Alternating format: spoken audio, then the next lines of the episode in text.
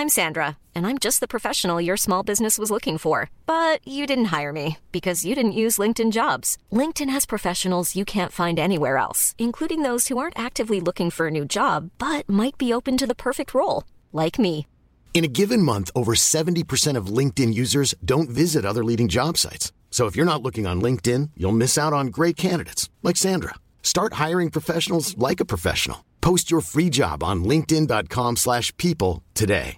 This is Paige, the co-host of Giggly Squad, and I want to tell you about a company that I've been loving, Olive and June. Olive and June gives you everything that you need for a salon quality manicure in one box. And if you break it down, it really comes out to $2 a manicure, which is absolutely insane. It's also so easy to get salon worthy nails at home with Olive and June. The difference between how your nails used to look when you did them yourself and now with the Manny system is a complete game changer. The best thing about Olive and June too is it's a quick dry. Dries in about 1 minute, lasts for 5 days and full coverage in up to 1 to 2 coats. Visit oliveandjune.com slash perfectmanny20 for 20% off your first system. That's oliveandjune.com slash perfectmanny20 for 20% off your first system.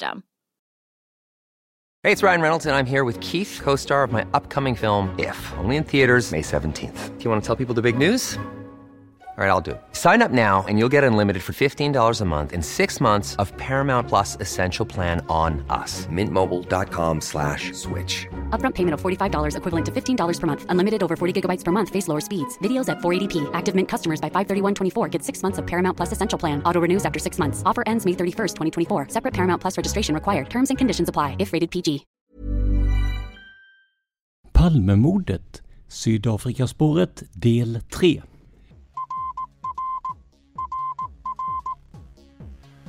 Sveriges statsminister Olof Palme är död. 90 000. Ja, det är mord på Sveavägen. Hörde de säger att det är Palme som är skjuten. Mordvapnet med säkerhet är en Smith Wesson, en revolver kaliber .357. Inte ett svar. Finns inte ett svar. För jag har inget. Och jag har inte varit Varför skulle jag Polisen söker en man i 35 till 40-årsåldern med mörkt hår och lång mörk rock. Välkomna till podden Palmemordet som idag görs av mig, Tobias Henriksson på PRS Media.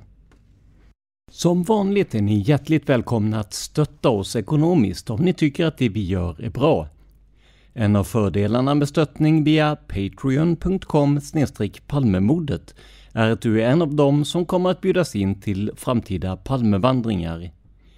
Vi har ju tvingats ta ett uppehåll med dessa under pandemin, men förhoppningsvis kommer vi att kunna köra igång igen den 28 februari 2023 om inget oförutsett händer. Med andra ord, det är inget löfte just nu, men det är en klar målsättning. Se alltså till att gå in på patreon.com palmemodet för att försäkra dig om möjligheten att komma med nästa år. Om du hellre vill switcha ett bidrag, ja då hittar du numret i avsnittsbeskrivningen. Det är åter dags att åka runt i stort sett hela vår värld för att landa i Sydafrika. Men innan vi tar oss an dagens ämne på allvar har jag en rättelse från förra avsnittet. Där sa jag ungefär att BOSS, alltså Bureau of State Security, den sydafrikanska underrättelsetjänsten, hade motiv att mörda Olof Palme. Det kommer vi att komma in på mer i dagens avsnitt. Och även om den här enheten mycket väl hade motiv att mörda Olof Palme så missade jag lite i terminologin. För BOSS ombildades 1978 till Department of National Security och bytte återigen namn 1980 till National Intelligence Service. Det här är i grund och botten samma del av den sydafrikanska staten enligt mina källor, men självklart ska vi namnge dem korrekt. Tack till den anonyma lyssnare som påpekade detta. Idag ska vi försöka titta lite mer på motivet till Palmemordet, om det var så att Sydafrika hade med det att göra. För motivbilder saknades verkligen inte. Palme var som sagt en stark motståndare mot apartheid och han var inte tyst om det heller. Det rörde såklart upp känslor i landet i söder som minst av allt behövde en främmande statsminister som sa till dem vad de borde göra. Men faktum är att Palme var långt ifrån den första svensk som röt till mot händelserna i Sydafrika. En lyssnare tipsade om Herbert Tingsten som förutom att vara professor i statsvetenskap också var författare och kom att bli DNs chefsredaktör 1946 till 1959. Tingsten var mycket engagerad i frågan Sydafrika och skrev ofta ledare om ämnet i sin tidning Dagens Nyheter. Han hade själv rest en del i landet och rapporterade hem om de fasor han såg den svarta och färgade befolkningen utsättas för. Just idag har vi inte riktigt plats för att dyka djupare i Tingstens yttranden om Sydafrika, men vi hoppas kunna återkomma till det mer senare. Istället ska vi alltså titta på vilka sydafrikanska krafter som kan tänkas ligga bakom mordet på Olof Palme. Och jag har såklart förstått varför man skulle vilja mörda Olof Palme från Sydafrikas sida. Men jag har tidigare haft svårt att sätta mig in i organisationer och sådant. Men jag tänker att vi ska göra ett försök att bena ut det här idag. I förra avsnittet nämnde vi alltså BOSS, som senare kommer att döpas om till först DONS och senare till NIS, National Intelligence Service. Den här avdelningen grundades officiellt 1969 och hade i uppdrag att utreda alla händelser som skulle kunna påverka staten Sydafrikas säkerhet. De skulle också jämföra och utvärdera inkommande information i de här ärendena och, om det behövdes, informera regeringen och dess departement. Slutligen skulle man också citat ”genomföra andra ingripanden och åtaganden som kan bestämmas från tid till tid”. Slut citat. Det här var alltså de initiala direktiven som gruppen gavs och just punkt 3 här ger ju upphov till viss tolkningsfrihet. Att göra saker som kan bestämmas från tid till tid kan ju i stort sett vara vad som helst, både legalt och illegalt. Det här gav också upphov till många spekulationer senare när Sydafrikas mindre smickrande sidor kom fram. Boss sägs ha haft departement för olika typer av insatser, men det här är såklart inte helt bekräftat och det ligger i sakens natur att underrättelseorganisationer inte skyltar med vad de gör. Men hur som helst, de här departementen eller avdelningarna sysslade med följande. Samhällsfientlig verksamhet, kontraspionage, politiskt och ekonomiskt spionage, militära underrättelser, administration, nationell utvärdering, forskning och specialstudier. Och det här är ju såklart något svävande. Skulle man till exempel motverka samhällsfientlig verksamhet eller själv utföra den? Men med tanke på att man lydde under den sydafrikanska staten får man väl förutsätta att det är det senare som avses. Och i och med att man var en del av regeringen så styrdes Boss av en generaldirektör, mestadels Henrik van der Berg, mannen som kommit med förslaget att den här organisationen behövdes. Boss hade också en säkerhetsgren, Security Branch, som hade som sin uppgift att förmedla underrättelser till Boss. I slutet av 1970-talet uppskattades det att mer än tusen agenter var anställda i Boss och många av dem som undercovers. Boss var såklart inblandade i att ta fram och utvärdera information om anti-apartheid och frihetsrörelser. För enligt deras regerings sätt att se på de här grupperna var dessa just en samhällsfarlig verksamhet. Och i de här uppgifterna, ja, där ingick bland annat att identifiera möjliga måltavlor för räder, både inom landets gränser men också i närliggande länder. Vi tar ett exempel. Sent 1979 och tidigt 1980 publicerade den brittiska tidningen Observer anklagelser som skulle ha läckt från en tidigare Boss-agent. Dessa gick ut på att Boss, som då gick under namnet Department of National Security, hade konfiskerat brev och avlyssnat privata telefonsamtal gjorda av framstående politiker och medborgarrättskämpar som Allan Parton, André Brink och Helen Sosman. Det här var dock inte allt man gjorde. För varje auktoritativ stat behöver en fungerande propagandamaskin. Här kom Boss, som vi kommer att kalla dem när inget åtal anges, väl till pass. För genom att eh, så att säga fungera som bankir åt informationsdepartementet Via ekonomiskt stöd från försvarsdepartementet kunde man starta upp en massa rena propagandaprojekt, som till exempel tidningen The Citizen som stod på regeringens sida. Även en del av de pengar som avsatts för Boss verksamhet gick till propaganda, även om det är oklart i vilken utsträckning. Det vi vet är att informationsdepartementet i alla fall förlitade sig på Boss information och därmed kunde skapa lämplig propaganda till folket. Avdelningens ansvarige, tidigare nämnda van der Berg, har bekräftats vara djupt inblandad i planeringen och sjösättningen av propagandakampanjer. Men även andra Boss-agenter kan ha varit det. Boss anklagades också för mord, både sådana som var sanktionerade från högre ort och sådana som de själva tagit initiativ till.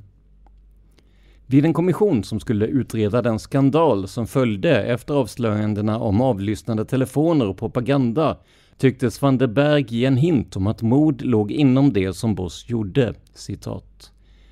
Jag har tillräckligt med män för att begå mord om jag säger till dem att mörda. Jag bryr mig inte om vem offret är. Det är den sortens män jag har. Slutcitat. Tidigare bossagenter menade senare att gruppen var inblandade i mord genom en hemlig operation från det tidiga 1970-talet, känt som C-Squad. Andra bekräftade att C-Squad fanns, men förnekade att de skulle ha varit inblandade i politiska mord. C-Squad kunde dock kopplas till morden 1977 på National Party-politikern Robert Smith och hans fru, avrättningen av Rick Turner 1978 och avrättningarna 1974 av antiapartheidaktivisten John Dobe med hjälp av en brevbomb. Och Onkgopotse Tiro som var medlem i SASO, den sydafrikanska studentföreningen. Sisquad har också anklagats för att ha specialiserat sig på att förhöra sydafrikaner som kämpat för nationalistiska rörelser i Rhodesia och Mosambik. Och det här vore kanske inte så illa om det inte var för att en del av de förhörda av någon konstig anledning miste livet i samband med förhören. Sannings och försoningskommissionen i Sydafrika, som sjösattes efter apartheidens slut, menar att det var citat troligt slutcitat att Boss var inblandad i mord och att de troligen var ansvariga för morden på Dube Otero som vi berättade om. Nu hoppas jag att ni i alla fall har en liten inblick i vilken sorts organisation som Boss var. Men ingenting av det här har ju någon som helst bäring om det inte kan kopplas till Sverige och Olof Palme. Eller ens kan kopplas till aktiviteter på andra ställen än i Sydafrika. Det är här den inte helt okände Craig Williamson kom in i bilden. Williamson har i många år påståtts varit den som planerade mordet på Olof Palme och bland annat tidningen Vi menar att han infiltrerade olika anti-apartheidgrupper runt om i världen. Och jag vill på en gång säga att vissa kopplingar och organisationer här har varit väldigt svåra att researcha med tanke på deras ljusskygga mentalitet. Men jag har försökt att få en så klar bild som möjligt över det hela och jag hoppas att ni hör av er till podden om det är något som blivit fel eller som inte kommit med. Men det vi vet är att Craig Williamson föddes 1949 och att han är en tidigare polis i Sydafrika. Men det var inte för detta han blev känd, utan för avslöjandet på 1980-talet då det kom fram att han varit spion åt den sydafrikanska staten och i den rollen utfört ett antal mord, bombdåd, inbrott och olika typer av propaganda. Både i Sydafrika, men även utanför landet. Vi ska nu titta lite på vad Williamson gjort som ledde upp till att han, 37 år gammal 1986, utpekades som skyldig eller delaktig i Palmemordet.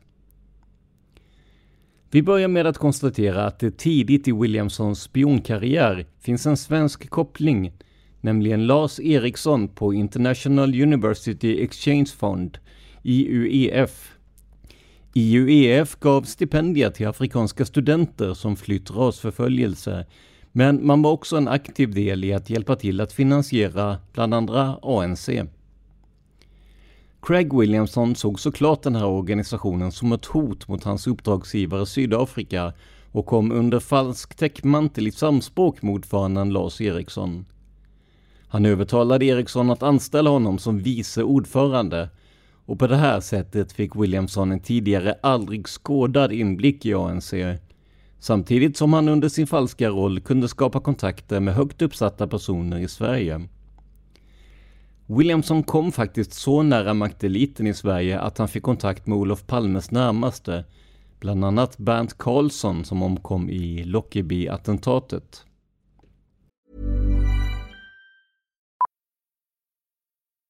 Millions of people have lost weight with personalized plans from Noom. Like Evan, who can't stand salads and still lost 50 pounds. Salads generally for most people are the easy button, right? For me, that wasn't an option. I never really was a salad guy. That's just not who I am. But Noom worked for me. Get your personalized plan today at Noom.com. Real Noom user compensated to provide their story. In four weeks, the typical Noom user can expect to lose one to two pounds per week. Individual results may vary. Quality sleep is essential. That's why the Sleep Number Smart Bed is designed for your ever evolving sleep needs. Need a bed that's firmer or softer on either side? Helps you sleep at a comfortable temperature? Sleep Number Smart Beds let you individualize your comfort so you sleep better together. JD Power ranks Sleep Number number 1 in customer satisfaction with mattresses purchased in-store. And now, save 50% on the Sleep Number limited edition Smart Bed for a limited time. For JD Power 2023 award information, visit jdpower.com/awards. Only at a Sleep Number store or sleepnumber.com. If you thought the only way to get a more defined jawline with natural-looking results was through surgery, think again. Juvederm Volux XC is a non-surgical injectable gel filler that improves moderate to severe loss of jawline definition and can help you achieve natural-looking results with little downtime. Even better, this improved definition lasts up to one year with optimal treatment. No maintenance required. Improve jawline definition for a smooth, sculpted look with Juvederm Volux XC. For important safety information and to find a licensed specialist, visit juvederm.com. That's J U V E D E R M.com. Not for people with severe allergic reactions, allergies to lidocaine, or the proteins used in Juvederm. Common side effects include injection site redness, swelling, pain, tenderness, firmness, lumps, bumps, bruising, discoloration, or itching. There's a risk of unintentional injection into a blood vessel, which can cause vision abnormalities, blindness, stroke, temporary scabs, or scarring. Talk to a licensed specialist to find out if it's right for you. Williamson ska också ha grundat en organisation kallad Long Reach för att underlätta arbetet med spioneri och attentat såväl inom som utanför landet. Vi återkommer till det här lite senare. Och när vi kommer in på de dåd som Williamson faktiskt var ansvarig för, eller i vissa fall misstänktes för, så stöter vi på en svensk till. Det är den inte helt okända Bertil W, som vi även kallat löjtnant Bertil tidigare i podden. Det var nämligen så här. 1982 drabbades Pan Africanist Congress PACs kontor i London av ett inbrott. Man lyckades arrestera två personer, varav den ena var Bertil W. Vi kommer att ge en sammanfattning av hans liv och gärning senare, men låt oss nu följa Williamson istället. Vi kan bara nämna att Bertil W frikändes av en engelsk domstol, men han medgav att han jobbade för den sydafrikanska underrättelsetjänsten och att han hade rekryterats av, just det, Craig Williamson. Den andra misstänkte för inbrottet hade diplomatisk immunitet då han ingick i den sydafrikanska militären, så han kunde bara beordras att lämna landet. Men PRC var inte den enda organisation i Storbritannien som fick ovälkommen påhälsning av Williamson eller folk som han rekryterat. Detsamma hände med ANCs kontor i London 1982. Men här var attentatet mycket värre än ett inbrott. En bomb på 11 kilo detonerade nämligen på kontoret och det var ren tur att ingen dödades eller skadades allvarligt. Faktum är att bara en person blev skadad i det här attentatet, som så här efteråt nästan får ses som ett varningsdåd. Om de fortsätter med sin verksamhet så kommer personer att dö. Det här dådet sökte Williamson amnesti för inför Sydafrikas sannings och försoningskommission 1995 och fick till slut också igenom det. Parlamentsledamöter i England var måttligt imponerade då man själva ville förhöra Williamson och överväga möjligheten att begära honom utlämnad ur Sydafrika för att ställas inför rätta i Storbritannien. Men det här blev det som sagt ingenting av. Efter förhöret inför sanningskommissionen sa den sydafrikanska advokaten att citat om du tittar på Lockerbie-attentatet så är det här väldigt likt. Jag tror att eh, Storbritannien hade velat se de här grabbarna åtalade i England. Slut citat. Och här ska vi tillägga att Lockerbie-attentatet, som vi nu nämnt två gånger, officiellt utfördes av två libyska medborgare, Abdelbasset Ali Mohamed al-Megrahi och Lamin Khalifa Fima, på uppdrag av libyska säkerhetstjänsten. Men det där med att ingen människa kom att skadas var inget som lättade Williamson, för han var inte främmande för mord heller. Till exempel beordrade han mordet på antiapartheidkvinnan Ruth First, som för övrigt också var god vän med Olof Palme.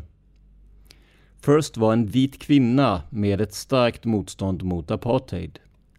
Hennes åsikter gjorde snabbt henne obekväm i Sydafrika. Hon flyttade till Storbritannien i en slags exil. Här blev hon aktiv i den brittiska anti-apartheidrörelsen. Den 17 augusti 1982 öppnade hon ett paket som hade skickats till det universitet där hon studerade. Paketet innehöll en bomb som omedelbart dödade kvinnan som var så misshaglig för den sydafrikanska staten. En antropolog som First jobbade med befann sig i samma rum som offret och blev vittne till mordet. Den här antropologen Bridget O'Loughlin kom senare att vittna inför sanningskommissionen om det inträffade. Offentliga dokument från sannings och försoningskommissionen menar att Williamson fick amnesti även här mot att han berättade om det inträffade. Som ni ser så är ju Williamson inte en person man ska bråka med i onödan. I alla fall inte om man har andra åsikter än honom. Eller, det var i alla fall så tidigare. För den 23 april 1996 intervjuade Tor Sällström på Nordiska Afrikainstitutet Williamson, som då verkade såväl vältalig som ofarlig utifrån intervjun. I intervjun tillfrågades Williamson bland annat om han låg bakom sprängningen av ANCs kontor i Stockholm 1986. Williamson svarade då att han inte ens visste att den hade blivit sprängd och vi ska här tillägga att den svenska högerextremisten Lars Kärmestam kommer att dömas för det här brottet senare. Vidare får Williamson frågan om han hade agenter i Sverige eller andra nordiska länder. En fråga som ju får anses vara av stor betydelse för hans påstådda inblandning i Palmemordet. Williamson säger citat vi hade inte så stor inblandning där. Jag skulle säga att första gången vi verkligen fick ut en hel del information var när jag jobbade där. De borde såklart haft lite folk där, men jag tror inte att det var något speciellt. Jag tror verkligen att Sydafrika inte var, hur ska jag säga, besatta av de nordiska länderna. Det var mer av ett politiskt problem. Jag menar stödet var inte alls på samma nivå som det från Sovjet. Jag tror att de ville lösa det här på en mer politisk väg. De nordiska länderna lämnade vi mycket till de som ansvarade för utrikesärenden. Slut citat. Och självklart är det svårt att veta hur mycket man kan lita på en person som gjort till sin livsuppgift att ljuga, bedra och begå brott. Men det här är i alla fall vad han säger själv. Och att han säger att han jobbade i Stockholm kommer från en tidigare fråga i intervjun om IUEF som vi pratade tidigare om. Huruvida han var i Stockholm eller inte runt mordförsöket, ja, det ska vi försöka ta reda på senare. Men som ni såg fanns det en svensk person inblandad i ett av attentaten, nämligen Bertil W. Vi har nämnt honom tidigare i podden, men vi tar en snabb sammanfattning innan vi går vidare, för han är viktig för Sydafrikaspåret. Dokumentsidan vpu.nu, som vi pratat med tidigare, har gjort en förnämlig sammanställning som vi använder oss av. Bertil W var alltså en svensk officer och journalist som tjänstgjort för FN i Kongo och på Cypern på 60-talet. Han var också agent och spion för de sydafrikanska polisiära och militära underrättelsetjänsterna under just Sydafrikas apartheidregim. Han påstods 1996 vara inblandad i Palmemordet, men han har själv förnekat detta. Hans liv i utvalda årtal ser ut ungefär så här. Han föddes 1940 och ungefär 20 år senare tjänstgjorde han som fänrik i FN-tjänst i Kongo. 1964 till 1965 var han löjtnant för FN i Cypern. Han var också chef för den svenska Cypernbataljonens operations och säkerhetsavdelning. 1965 blev han löjtnant vid arméstaben. 1967 kom han att samarbeta med World Anti-Communist League, VACL. På 1970-talet drev han en privat rekryteringsverksamhet av legosoldater till krigen i södra Afrika och fick samtidigt ett rykte om sig att vara ett gun for hire. Vad gäller det tidigare nämnda mordet på Ruth First har W pekats ut som ytterst ansvarig. 1980 började han enligt uppgift jobba under Craig Williamson och Peter Castleton. Vid en presskonferens angående sina kopplingar till apartheid Sydafrika 1984 tog Bertil W tillfället att gå till rasande angrepp mot Olof Palme. Bland annat sa han citat jag arbetar emot Palme och svenska regeringen. Det sker i samarbete med underrättelsetjänsten inom skandinaviska länderna. Jag ser det som en viktig uppgift att arbeta mot Olof Palme. Säpo och svensk militär står i klart motsatsförhållande till sin egen regering. Slut citat. När Olof Palme mördades den 28 februari 1986 var Bertil W 45 år gammal. Samma år misstänktes han för delaktighet i bombattentatet mot ANCs kontor i Stockholm och nekar, vilket han ju gjorde rätt i då en annan person var ansvarig. Och 1996 så pekas alltså Bertil W ut som misstänkt i mordet på Sveriges statsminister Olof Palme av bland andra Peter Castleton, som vi återkommer till. Bertil W nekar till all inblandning i mordet. Bertil dog ganska nyligen när det här spelas in, nämligen den 4 mars 2022. Han bodde då på den norra delen av Cypern och var 81 år gammal. Ni som har följt podden vet att vi pratat med Jan Stocklassa tidigare och att denne lyckades intervjua Bertil under falskt namn. I intervjun säger Bertil bland annat att han tyckte illa om Palme men att han inte hatade honom. Han säger också citat jag har inget att förlora på att sanningen kom ut, för tack och lov är det inte jag som är mördaren och jag hade överhuvudtaget inget med att göra. Slutcitat. Och trots att det vid intervjuns publicerande gått 28 år sedan mordet så har han aldrig förhörts av svensk polis. Det närmaste han kommit är ett telefonsamtal, citat. En polis ringde 1996 efter att jag hade förekommit i pressen i samband med Sydafrika han var lite högljudd men, men lugn och pratade om något tillstånd. Jag sa, du behöver inget tillstånd, bara kom hit. Men det gjorde de aldrig. Slut citat. Så Williamson förnekar att han är inblandad. Bertil W gör detsamma. Så hur kommer det då sig att de här personerna trots allt pekats ut som ansvariga? Jo, allt har att göra med nästa person i händelsen, Eugene de Kock. Eugene Alexander de Kock föddes den 29 januari 1949 och han är i kort sammanfattning en polisöverste, torterare och yrkesmördare som var aktiv under apartheidtiden. Och jag vill bara säga att om man går in på de olika källorna så är det precis så här han beskrivs, det är alltså inte mina egna ord. I pressen fick han smeknamnet Prime Evil, alltså ondskan själv, som chef för C10 en undergrupp till den sydafrikanska polisen som kidnappade, torterade och mördade ett stort antal apartheidmotståndare under 1980 och 90-talen. 1983 förflyttades de Kock till Flagplas som var en slags träningsfarm och högkvarter för gruppen C10. C10 kom närmast att utvecklas till en paramilitär insatsstyrka som kidnappade politiska motståndare och antingen försökte omvända dem eller mördade dem. Det ironiska var att trots att gruppen via polisen tillhörde staten så blev man kända för att blåsa samma stat på pengar. Pengar som bland annat gick till egna agenter eller helt enkelt användes för eget bruk. De Kock blev egentligen känd först under sitt vittnesmål i Sannings och försoningskommissionen 1998 där han avslöjade en hel del detaljer om dödsfall inom ANC som kunde kopplas till hans enhet. Han dömdes den 30 oktober 1996 till två livstidsdomar plus 212 år i fängelse för brott mot mänskligheten. Brott som jag valt att inte ta med då de inte tillför historien någonting och då de för övrigt är rätt så ruskiga. De 89 åtalspunkterna inkluderade bland annat sex fall av mord, men även uppvigling till mord, mordförsök, överfall, kidnappning, olaga vapeninnehav och bedrägeri.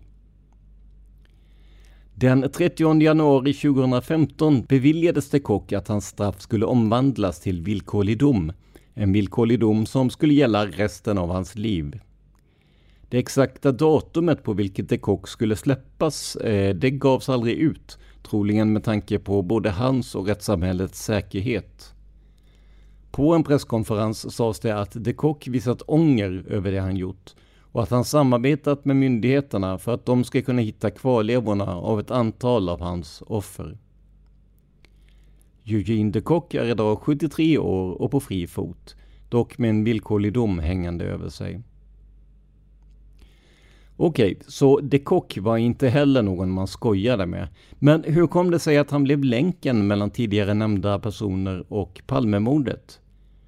Det visar sig om vi backar till hans vittnesmål inför sannings och försoningskommissionen. Vi citerar Expressen från den 1 februari 2016 för att se vad det var som hände. Citat. Det är klockan 11.17 han yttrar meningen som den närmaste tiden ska vända upp och ner på Palmeutredningen. Rättegången hade just återupptagits efter en kort rast Åklagaren Anton Ackerman, advokaterna och domaren van de Merbe hade just satt sig på sina platser när de Kock börjar berätta om fyra ANC-aktivister som mördats av hans grupp. De fick samma död som Olof Palme. Han säger det som en självklarhet, liksom i förbifarten, utan att ens ha fått frågan. Och han pekar till och med ut mördaren som ska ha tagit livet av den svenska statsministern några år tidigare 49-årige spionen Craig Williamson. Slutcitat. Så gick det alltså till när Sydafrikaspåret på fullaste allvar blev hett igen. För givetvis fanns det med i beräkningarna från början och givetvis figurerade en del namn som de vi nämnt tidigare. Men här kom liksom den länk som folk väntat på. Ett erkännande från en av dem som var inblandade. Vi fortsätter med Expressens artikel för att försöka förstå vilka som skulle ligga bakom och på vilket sätt. Citat. Tillbaka till den sydafrikanska rättegången i september 1996 har tidigare apartheidagenten Eugene de Kock utvecklat sina uppgifter om vilka som låg bakom Palmemordet. Jag har förstahandsinformation om att Craig Williamson planerade och utförde mordet Parlamentsledamoten Philip Powell berättade det för mig, säger de Kock i rätten. Uppgifterna får ytterligare fart när 51-årige Dirk Coetze, också tidigare chef för apartheidregimens dödspatruller, bekräftar uppgifterna. Superspionen Craig Williamson drev i tiden för mordet ett företag, Longreach, som kopplades till sydafrikanska säkerhetstjänsten och till Palmemordet. Jag vet att Craig Williamson och hans agenter planerade och utförde mordet på Palme. Här ska vi kommentera att citatet tycks komma från eh, Dirk Coetze. Vidare i artikeln. Ytterligare en tidigare dödspatrullsagent, 52-årige Rian Stander, pekas ut som mördaren. Han säger att det var Anthony White som höll i vapnet. Till skaran av tidigare agenter som plötsligt börjat berätta kom också Peter Castleton, 52, en före detta brittisk pilot som nu också anklagar Craig Williamson för att ligga bakom Palmemordet. Castleton menar dock att mördaren är en europé som flyttat till Turkiet. Kommentar. Vi kan konstatera att Bertil W bor i den turkisk kontrollerade delen av Cypern, om det möjligen kan vara det som avses. Vidare i artikeln. Senatorn och tidigare agenten Philip Powell dementerar. Han har inte gett någon information till Eugene de Kock. Men det hjälper inte. Idag är Sydafrikaspåret åter det hetaste spåret i jakten på Olof Palmes mördare. Slutcitat. Med den här informationen kommer som ni ser ett problem. För vet de olika aktörerna att det är så att Craig Williamson har planerat mordet? Vet de vem som höll i vapnet? Nej, det visar sig att mycket av det här är uppgifter i andra eller till och med i tredje hand. Men samtidigt, det är olika personer som berättar om ett scenario som på ett eller annat sätt slutar med samma sak. Att Olof Palme blir mördad. Att de har olika förklaringar till vem som sköt, ja, det må väl vara ursäktat om de inte hört det själva. Hur som helst så blir det ett väldigt liv runt om i världen. ANC går ut och kräver en grundlig undersökning av de Kocks påståenden. Dåvarande Palmeåklagaren Jan Danielsson säger att man är beredd att åka till Sydafrika vid behov. Men dåvarande spaningsledaren Hans Ölvebro, ja han är än så länge lyckligt ovetande om vad som har hänt. För som ni hörde i introduktionen till Sydafrikaspåret är han på semester i Storlien och precis som en annan polisman många år tidigare missar han en stor nyhet på att han åker skidor. Det som vi inofficiellt kallar för skidspåret. Nelson Mandela själv går ut och säger att Olof Palmes död var en tragedi, inte bara för Sverige utan för hela världen. Men han menar också att det är för tidigt att säga någonting om de här anklagelserna. Tidningen Expressen, som vi tidigare citerat, menar att Williamson befann sig i Stockholm vid folkriksdagen mot apartheid bara dagar före mordet. Man kan tycka att snaran dras åt kring den eventuella sydafrikanska inblandningen. Palmeåklagare Danielsson bekräftar till och med uppgifterna citat. Att han befann sig i Sverige, det kan jag bekräfta. Det vet vi att han gjorde. Slutcitat. Och det är inte bara Danielsson som är säker på sin sak. Två poliser ska ha sett honom i Stockholm under mordkvällen och han kan ha bott i ett gästhus för den internationella polisföreningen. Även riksdagens förre vaktmästare Harry N uppger sig ha sett honom i Stockholm.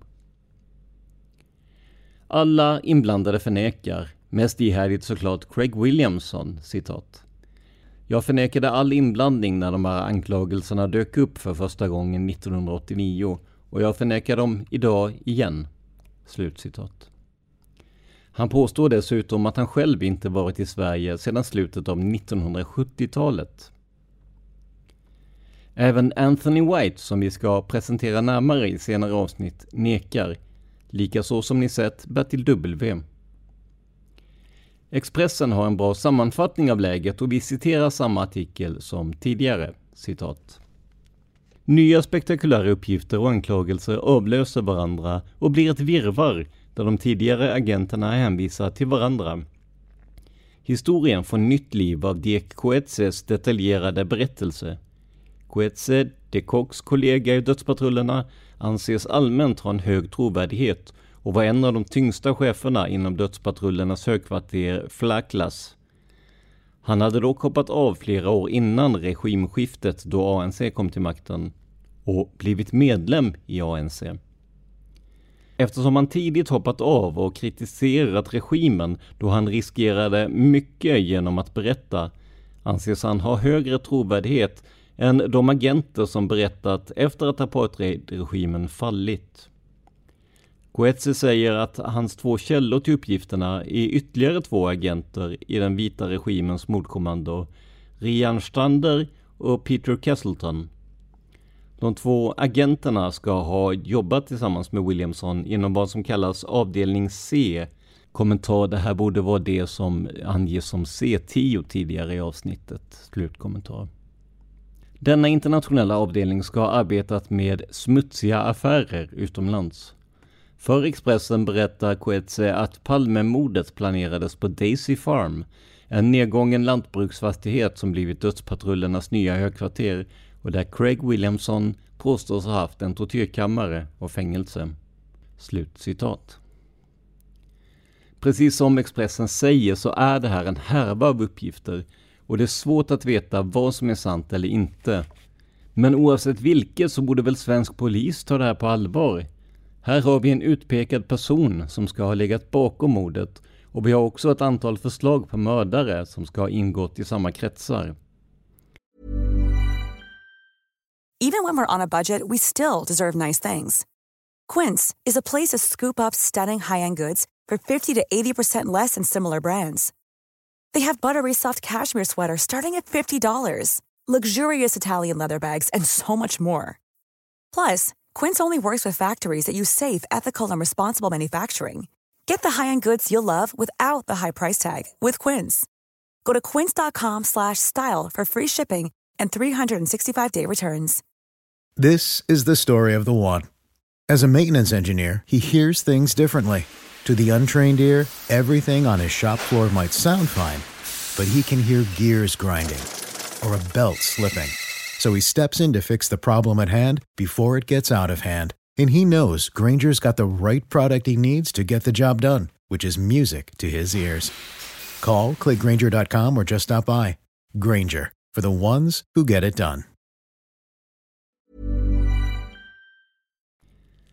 Jag skulle säga att Eugene de Kock inte hade något att förlora på att hänga ut sina tidigare meningsfränder. För med det han stod åtalad för, ja då visste han att han skulle åka in alldeles oavsett om mordet på Olof Palme kom upp eller inte.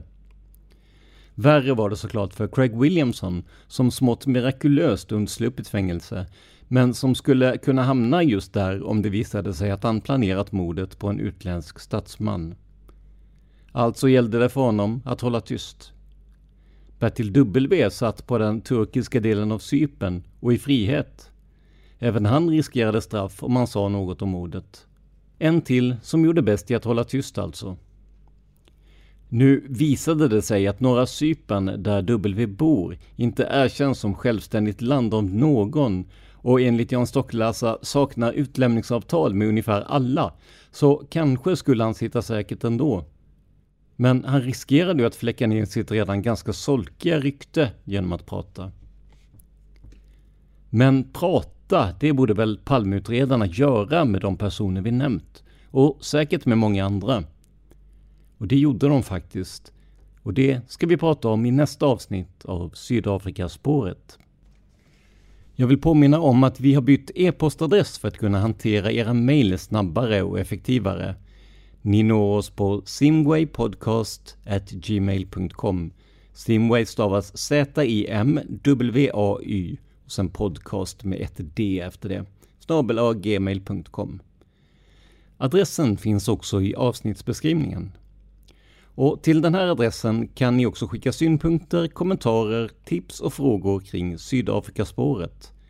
För vi gör den här podden för er och självklart vill vi också ha era synpunkter. Samma sak gäller såklart om ni till äventyrs hittar felaktigheter som behöver korrigeras. Och apropå att vi gör den här podden för er så är det också tack vare er och era donationer som vi kan fortsätta vecka efter vecka. Så om du vill hjälpa till med att stötta vårt arbete med podden, gå till patreon.com palmemordet och donera en summa som podden får per publicerat avsnitt. Det går också bra att swisha och då hittar du numret i avsnittsbeskrivningen. Det här var veckans avsnitt av podden Palmemordet som idag gjordes av mig, Tobias Henriksson på PRS Media. För mer information om mig och mina projekt besök facebook.com prsmedia.se eller gilla oss på Instagram där vi heter PRS Media. Ett ord, små bokstäver. Tack till alla som stöttar oss och hjälper oss framåt. Men framför allt, stort tack för att du lyssnar på podden Palmemordet. Man hittar Palmes mördare om man följer PKK-spåret till botten. Därför att ända sedan Julius Caesars tid har det aldrig hört talas om ett mord på en framstående politiker som inte haft politiska skäl. Polisens och åklagarens teori var att han ensam hade skjutit Olof Palme. Och det ledde också till rättegång. Men han frikändes i hovrätten.